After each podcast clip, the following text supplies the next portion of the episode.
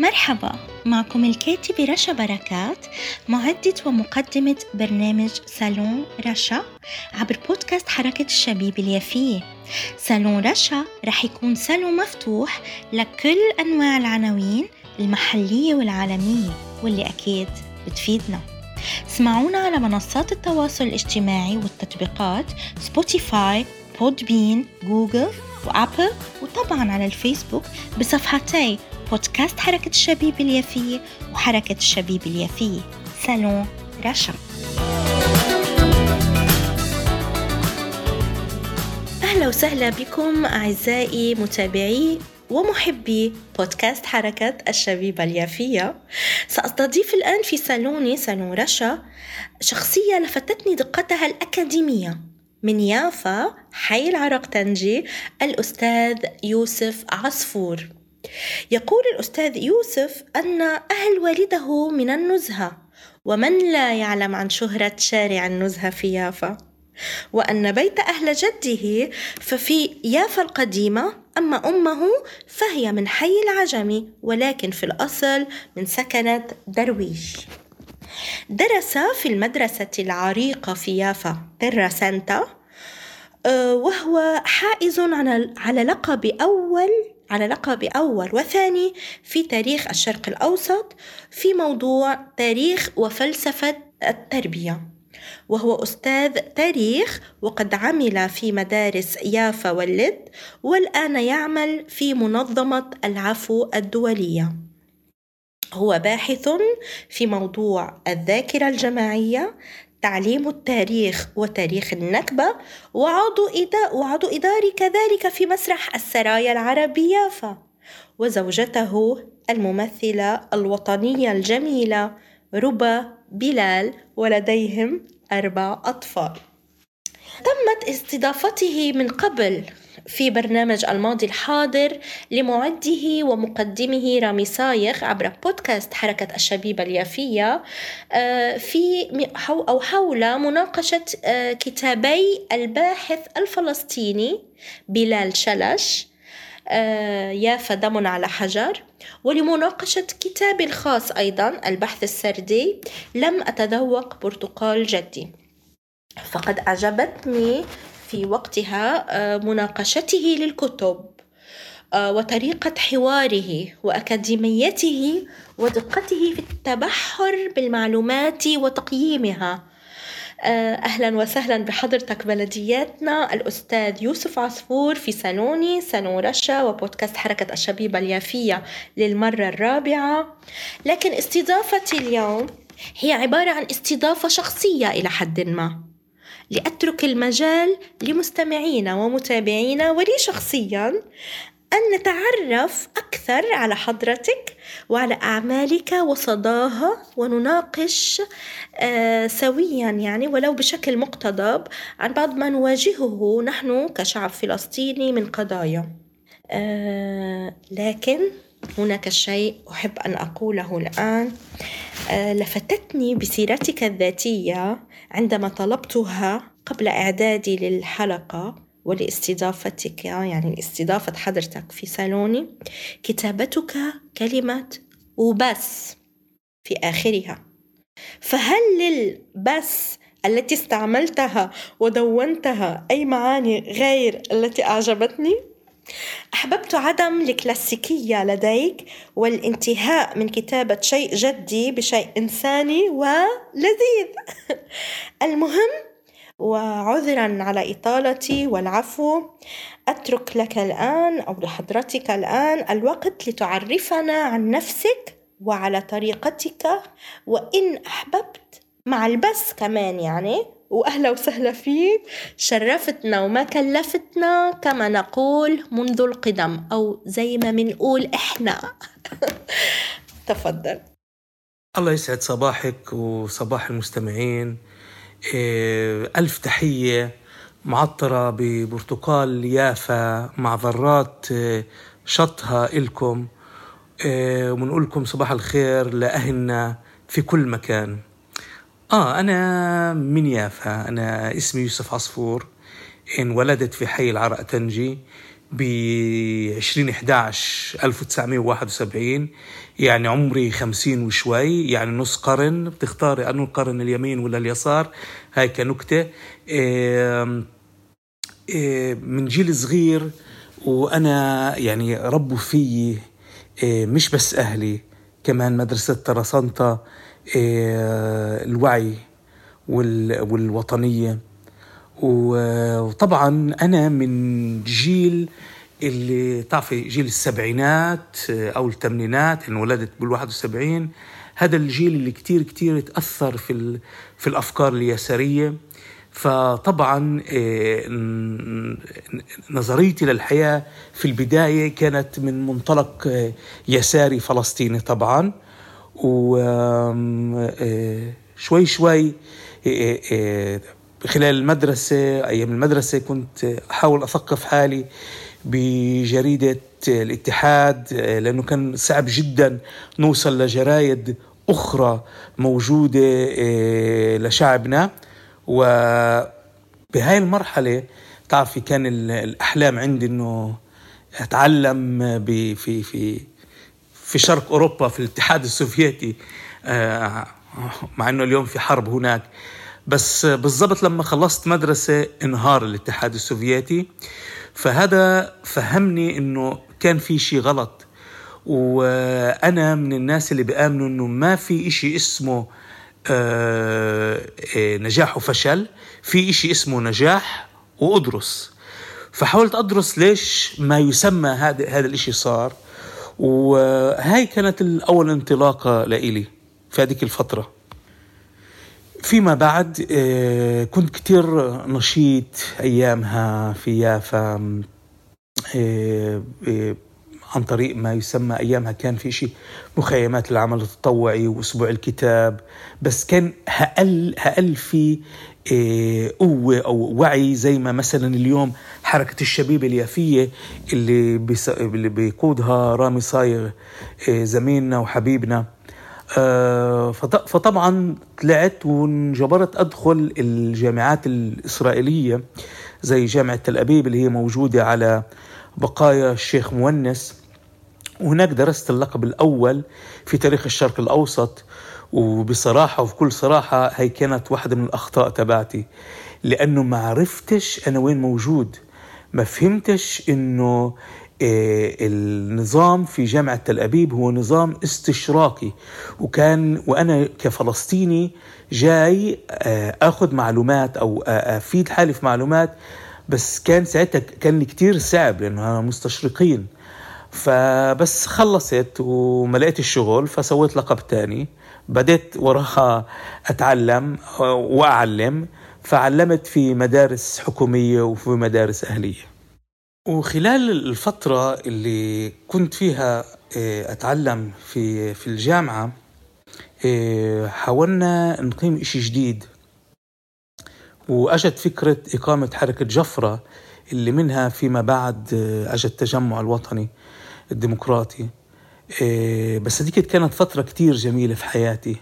هاي كانت الفترة اللي فيها كان في علاقات طيبة جدا مع الطلاب العرب اللي كنا قلال في هذيك الفترة الفلسطينية الداخل طبعا مع طلاب جامعة بيرزيت وكنا نعمل كتير لقاءات. وهذا ساعدني كتير أقوي هويتي. وكشف لي في حينه خوازيق أوسلو.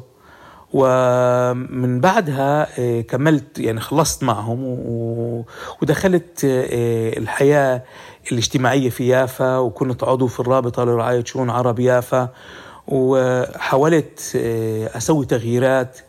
آه، طبعا آه، دائما دائما في أحلام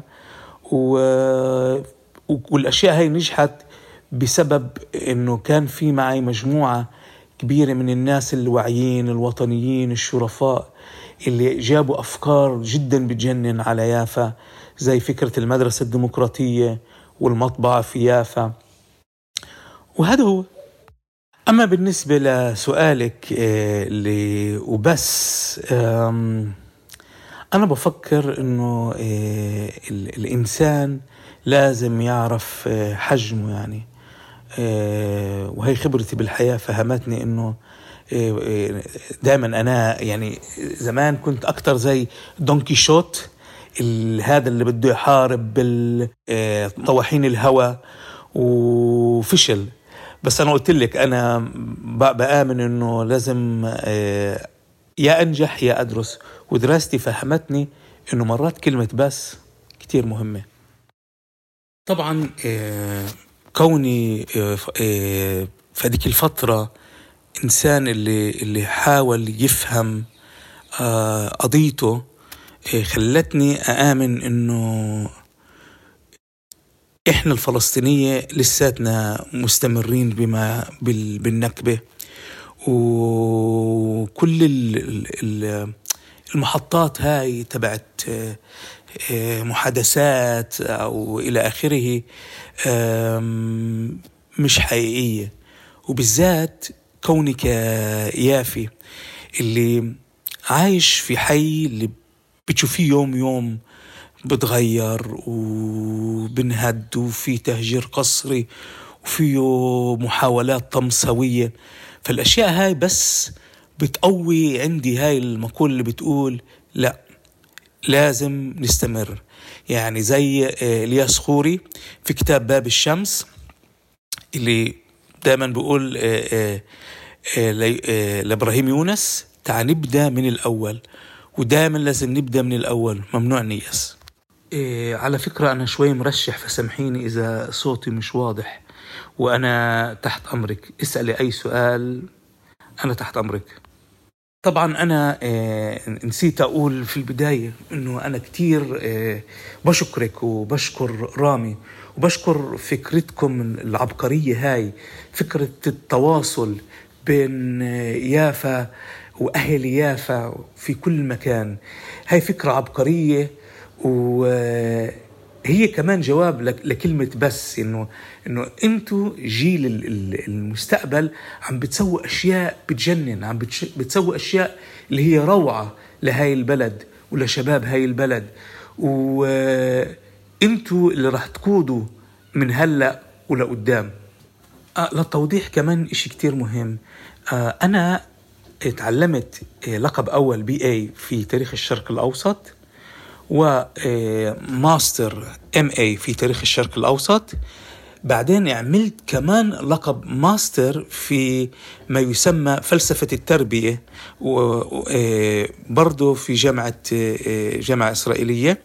اللي غاد أنا بحثت كل ما يعرف بالذاكرة لأنه زي ما خبرت في البداية باللقب الأول واللقب الثاني أنت موجودة داخل آه، بس هيك أفسر لك داخل عش دبابير تبعت المخابرات الإسرائيلية الجماعات الإسرائيلية طبعا في عندهم النظرية الاستشراقية والنظرية الصهيونية. وما حبيتش آه، أسلوبهم وما ارتحت لأسلوبهم. فحاولت أنقل لو أكتر محل بقدر أنا آه، أكتشف فيه تاريخي شعبي السرد تبعي ذاكرتي. ولقيتها إنه هذا كتير مهم للجيل الجديد امرق له عشان هيك رحت على فلسفة التربية تاريخ فلسفه التربية.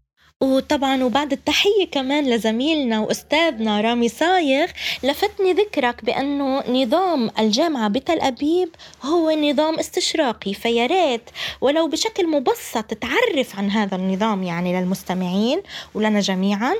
آه، أما بالنسبة لاختياري لجهة القرن يعني من اليمين أو اليسار فبصراحة أنا هون احترت. فشو رأيك نختار إما الشرق أو الغرب؟ بما أنها دارجة هالأيام يعني.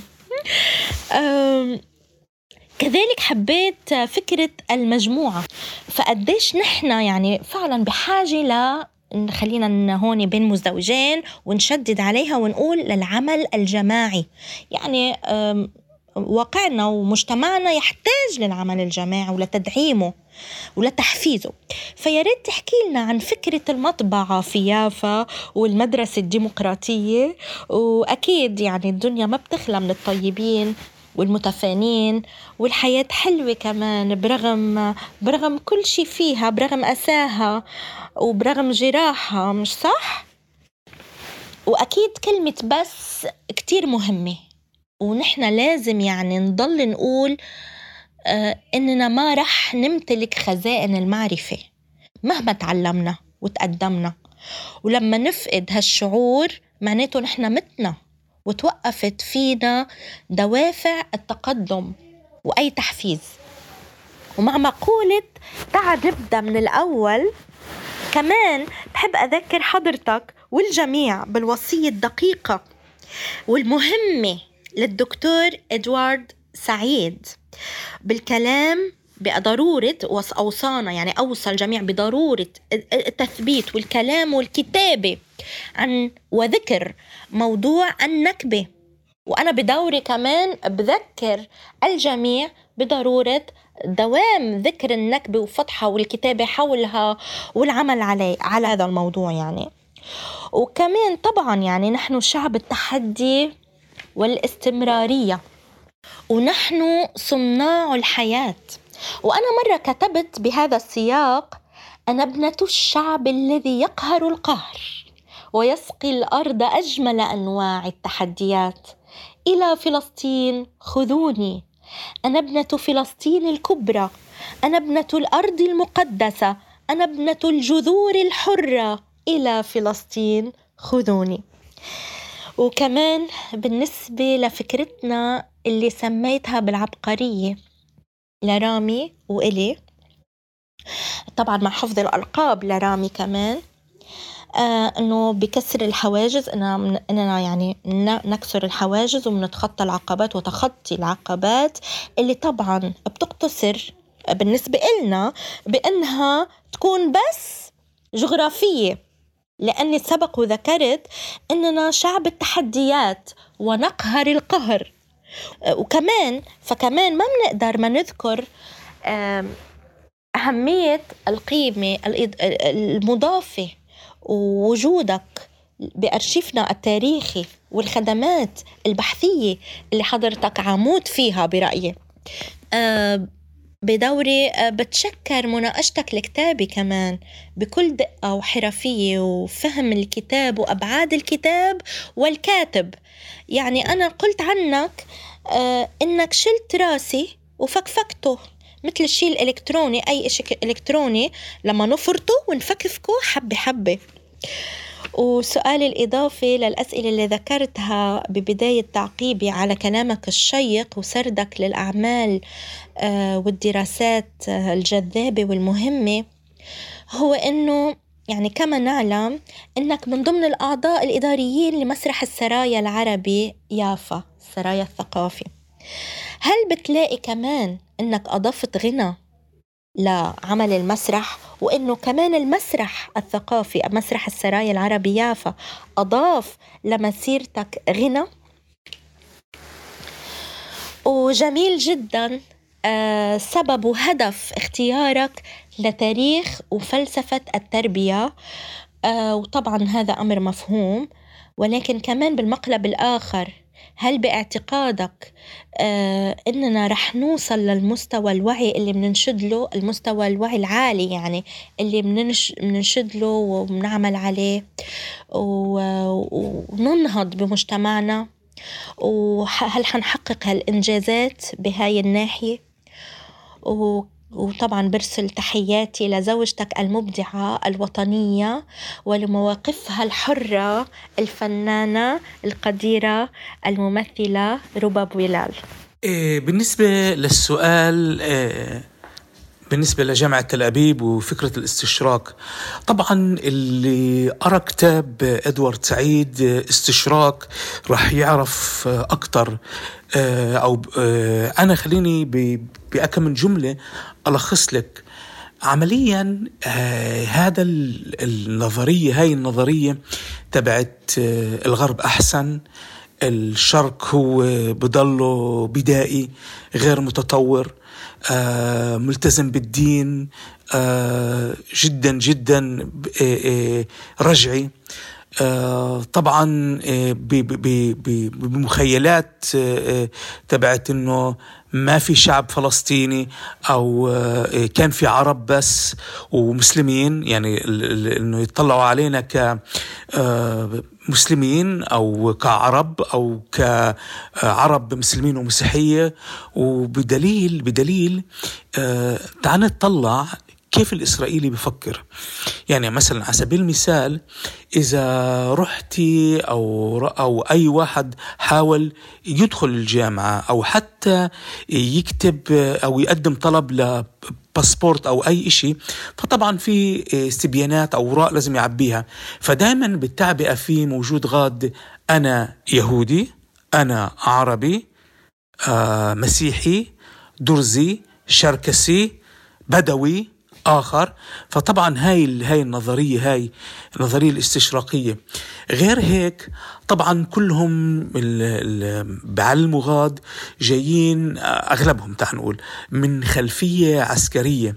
طبعا بالجيش العقلية هي يا أبيض إيه، يا أسود ما في إيه، باقي الألوان.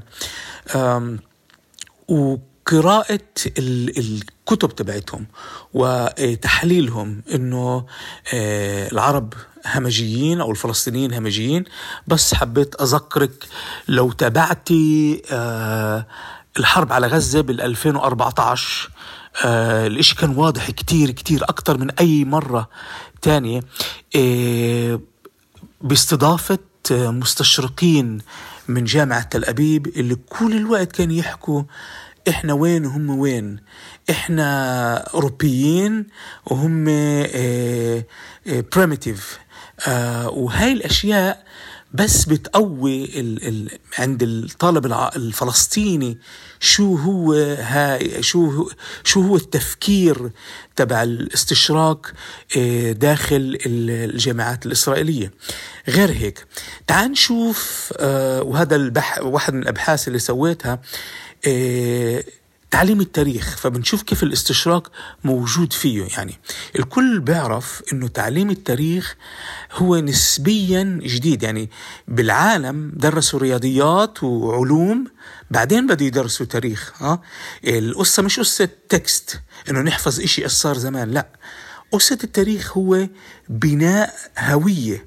بناء هوية وإقامة جيل اللي يكمل بمسيرة هاي الهوية. فعمليا إذا بنطلع على الكتب التاريخ اللي أغلبها مستشرقين بيعملوها. الكتب التاريخ طبعا في حسب النظام الإسرائيلي.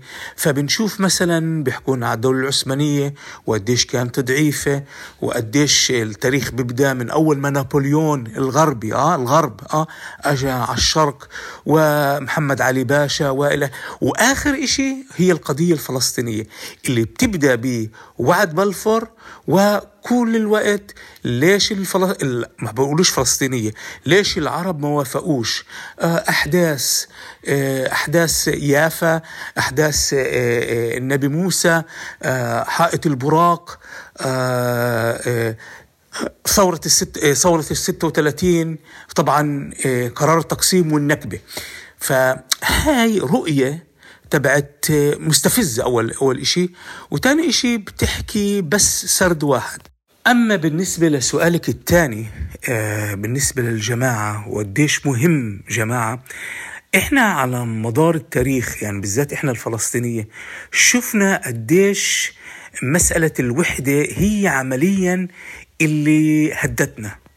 يعني إذا بنيجي بسنوات آه، من بعد الانت... من بعد الانتداب البريطاني أو خلال الانتداب البريطاني التقسيم تبعت الحسيني والنشاشيبي والصراع بيناتهم. آه بعدها في كل الفكرة هاي إنه آه مين اللي بده يحرر فلسطين؟ جامعة الدول العربية ولا الفلسطينية؟ وكل مرة كنا آه، زي زي واحد زي واحد براهن كل مرة كنا نراهن وكنا نخسر. ووراها التقسيم تبع يعني لما اجت حركة فتح والقوة الوطنية وشفنا إيش صار في السبعينات بال بكل الفصل هذا أو الصراعات داخل منظمة التحرير. فعمليا هذا بس بضعفنا والحلو بالجيل الجديد جيلكم هو إنه أنتم أكبر من هيك. أنتوا بتفكروا أحسن من هيك. أنتوا بتشوفوا المستقبل إنه نكون مع بعض. إحنا إيد واحدة إيه عندنا هدف واحد. ممنوع ممنوع ممنوع نوقع باللعبة إيه الطائفية. وشفنا شو صار مع أهلنا وحبايبنا وإخوتنا بلبنان. ممنوع نوقع بلعبة الفئوية. ونشوف كيف إنه الفئوية بس بتهد. إحنا لازم دائما نكون موحدين. اتحادنا قوة. أما بالنسبة لمشروع المطبعة فعمليا إيه واحدة من الأشياء اللي أنا كيوسف بآمن فيها هي إنه الإنسان لازم يعلم نفسه لازم يثقف نفسه. فطبعا الثقافة بتيجي بالقراءة. وكان ما كانش عندنا تقريبا مكاتب في يافا ولا كان في ولا في عندنا مطابع في يافا بحكي بعد النكبة. قبل النكبة كنا يعني كنا في القمة. وبعدين أجت النكبة، النكبة هي مش بس احتلال، مش بس إنه يجي الجيش يهدك وهو كمان يمحي لك هويتك، فعمليا واحد من الأفكار كانت إنه تعال نعمل مطبعة، تعال بدل ما نطبع أشياء بالعربي إيه نخلي الناس تقرأ بالعربي. من هين أجت الفكرة؟ وطبعا الفكرة أجت بدعم من أهلنا وإخواتنا. إيه اهالي يافا في إيه عمان وفي كل محل بالعالم. إيه صحيح. اللي بتقوليه صح بالنسبة للي قاله بروفيسور أدوارد سعيد. كتير مهم الذاكرة الجمعية. فأنا بآمن أو هيك هيك نظرتي للنكبة. إنه النكبة هي حدث مستمر لليوم. ضروري جدا نحكي سردنا. ومش بس هيك. يعني النقطة الأولى نذكر النكبة النقطة الثانية نحكي سردنا النقطة الثالثة الذاكرة الجمعية. نضلنا نحيي ذكرى مجازر ذكرى محلات بيوت مش مهم إيش بس كتير مهمة للذاكرة الجمعية تبعتنا. ونحارب ما يسمى محي هاي الهوية. ولكن عشان هيك لازم يكون لك جهاز خاص فيكي جهاز مستقل. لازم تكون لك مدارس عربية يافية فلسطينية. وما بحكي بس عن عن يافا بحكي عن محلات تانية في في فلسطين. تكون لنا جامعات خاصة فينا. مزبوط في عنا جامعات في الضفة الغربية وفي غزة. ولكن كتير كتير مهم عنا إنه نوصل هذا الإشي. لأنه عمليا إحنا بدنا نبني الجيل اللي بده يكمل الجيل اللي بده يناضل الجيل اللي ممنوع ينسى النكبة. وهذا كتير كتير مهم. لما تيجي أنت يا رشا وبتطلع كتابك وكتابك فيه إشي عبقري. إنه لما أنت بتيجي بتكتبي إنه ولا مرة دقتي برتقال بيارات جدك هذا بقول إنه أنت بدك تاكلي برتقال جدك. وعمليا كتابك اللي فيه كمان أغاني وفيه كمان أشياء اللي بتحكي ضرورة هاي الأشياء. فدائما القصص هاي لازم توصل لكل مكان ومكان في في عنا في في في الداخل. كتير مهم عندي إنه نقرأ كتبنا نقرأ لمثقفينا. ومش مش الكتب هاي اللي هي تمحي الهوية. أي نعم عشان تقدري تدخل الجامعات الإسرائيلية أو أي جامعة بطلبوا منك الثانوية العامة هي هي فيش أسهل منها. بس كتير مهم إنه نقرأ إنه نستفيد إنه نمرق إنه نحكي عن النكبة نحكي سردنا ونحكي الذاكرة الجماعية. أوكي بالنسبة لسؤالك عن المسرح وعن الفن أنا أه بقول إنه أنا كنت أنا إنسان محظوظ اللي دخلت المسرح مسرح السرايا.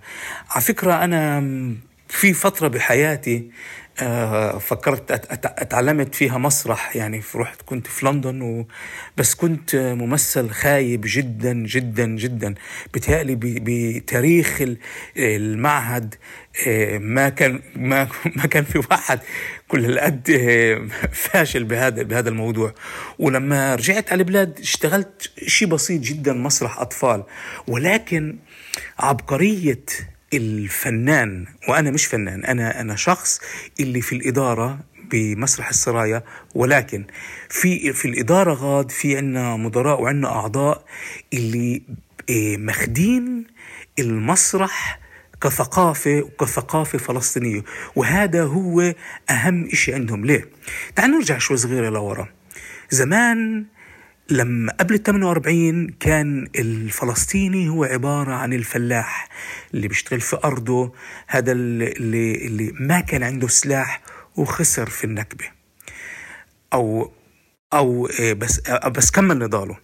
بعدين أجت لنا حركات التحرر الوطني وصار الفلسطيني هو هذا الشخص اللي لابس الكوفية وحامل السلاح وكل ما كان حامل سلاح كان ما ماخذ معه القضية الفلسطينية لكل مكان.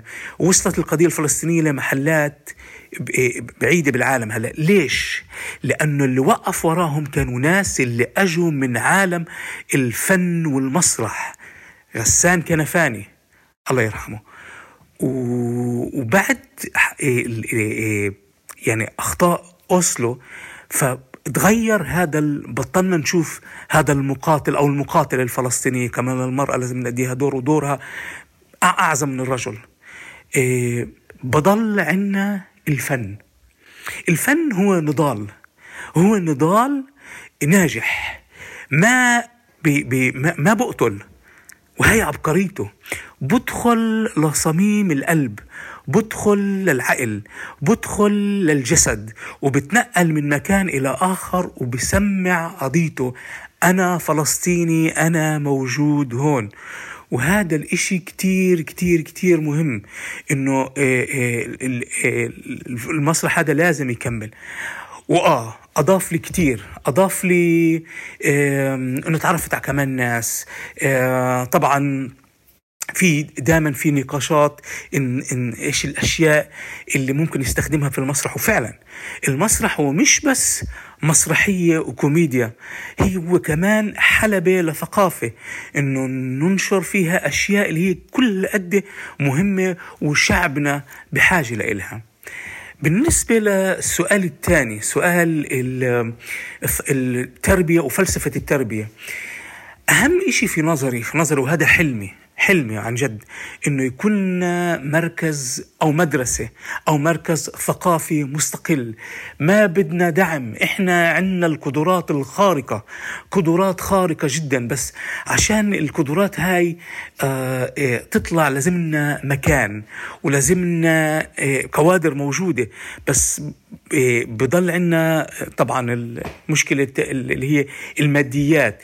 يعني نفسي مثلا إنه نرجع إيه، نطلع جرايد في يافا نفسي مثلا مجلة اللي كانت تطلع تصدر على فكرة بلبنان كان اسمها مجلة الهدف. آه إنه مجلات من هالنوع ترجع إيه نفسي إنه مركز الأبحاث الدراسات الفلسطينية يشتغل كمان بالداخل نفسي إنه تكون عندنا مكاتب مفتوحة مكاتب دراسات وهاي الأشياء إيه مزبوط هي هي انخلقت عشان تتحقق وإن شاء الله بنحققها. بالنسبة لربا إيه طبعا بوجه لها تحية هي حاليا موجودة في الناصرة. إيه ربا إنسان عظيم جدا إنسان مبدئي. إيه إنسان بعلمني كل يوم شو يعني إنسان. إيه ربا إيه وطنية هي ومش بس هي هي وأهلها. وقصتها انهم عائله اللي, اللي آه، لاجئين من المجدل من المجدل راحوا على الناصره آه، وقدر آه، عمي الله يرحمه ينمي فيها حبها للوطن وحبها للتمثيل لأنه كمان هو كان ممثل. وربا مش بس يعني مش بس ممثلة فلسطينية ربا كمان آه، اشتركت في عدة مهرجانات باسم فلسطين وفرقت جوائز باسم آه، آه، مهرجانات مسرح. عظمة ربا تكمن مش بس بكونها ممثلة فلسطينية إنما كمان بمواقفها المشرفة إنه رفضت تأخذ أحسن جائزة في لأحسن ممثلة آه، لأسباب سياسية. وهي وهاي هي آه، إنسانيتها وهاي هي عبقريتها. وعشان هيك هي إنسانة آه، عظيمة وكل إشي بتسوي فيه بتسويه بتنجح فيه. يعني وبصراحة كل نقطة طرقنا إلها لحالها بينكتب عنها كتاب وبينعمل عنها حلقة. وطبعا اللي تعرضنا له بعده ضمن الاجتماع السياسي الثقافي ولسه كمان ما تطرقنا للاقتصاد السياسي الثقافي. فأنا طبعا بتشكر حضورك المبارك اللي رح سميه بمبارك بصالوني وإنه إن شاء الله آه، ما أكون كمان أخذت كتير من وقتك أو أزعجتك. آه كل شق آه حكيت عنه هو بجد يعني بحد ذاته قضية برأيي. ومهم التوقف عنده. وعلى فكرة آه اللي نفسك فيه من مراكز ثقافية وغيره هو ذاته اللي نفسي كمان فيه. وطبعا نعم مجتمعنا يعني غني بالطاقات مليان طاقات.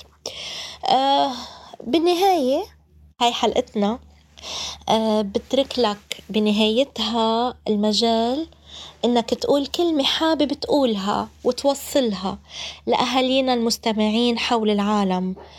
واللي كمان آه مثل ما حكينا بالبداية إننا عم نكسر الحواجز اللي وضعوها قدامنا لتفرقة مجتمعنا ودعم شتاتنا. فشو بدك تقول لأهلك وناسك ومجتمعك وحبايبك بالشتات؟ اولا كان لي الشرف إنه آه، استضفتيني. يعني تخيلي لو ما كانت آه، النكبة موجودة. كنا هلأ عندكم في في بيتكم آه، من شرفة آه، بيتكم بنطل على قصر الست وردة وعلى بياراتكم وبنشرب شاي أو قهوة وبنحكي في مشروع إقامة مركز ثقافي يافي فلسطيني. بس الحلم هذا أكيد رح يتحقق. اللي بدي أقوله لشعبي في الشتات بحب دائما آه، آه، هو الشعر أو أغنية للمقاومة اليمنية. ف آه، بتقول هيك من نحن عشاق النهار نحيا نحب نخاصم الأشباح نحيا في انتظار سنظل نحفر الجدار إما فتحنا ثغرة للنور أو متنا على وجه الجدار. هاي كلمتي لإلكم. أنا كتير كتير سعيد إنه أنتم بتسمعوني. أنا فخور فيكم فخور في شعبي. فخور في حركة الشبيبة فخور آه، في أي واحد وواحد فيكم. وإن شاء الله إن شاء الله موعدنا قريب. وبختام الاستضافة بسالوني سالون رشا عبر بودكاست حركة الشبيب اليافية. ومع هالأبيات الجميلة والمعبرة بتشكر حضورك معنا أستاذنا يوسف عصفور وبرسل تحياتي وورودي لمبدعتنا ربا بلال وبتمنى لكم التوفيق بكل أعمالكم. وإن شاء الله كلنا نحقق أحلامنا وطموحاتنا ونسترجع حقنا بوطننا وبهويتنا. أعزائي مستمعي ومحبي بودكاست حركة الشبيبة اليافية اسمعونا على منصات التواصل الاجتماعي Facebook Podbean Google Apple Spotify وكذلك صفحتي بودكاست حركة الشبيبة اليافية وصفحة حركة الشبيبة اليافية. صالون رشا.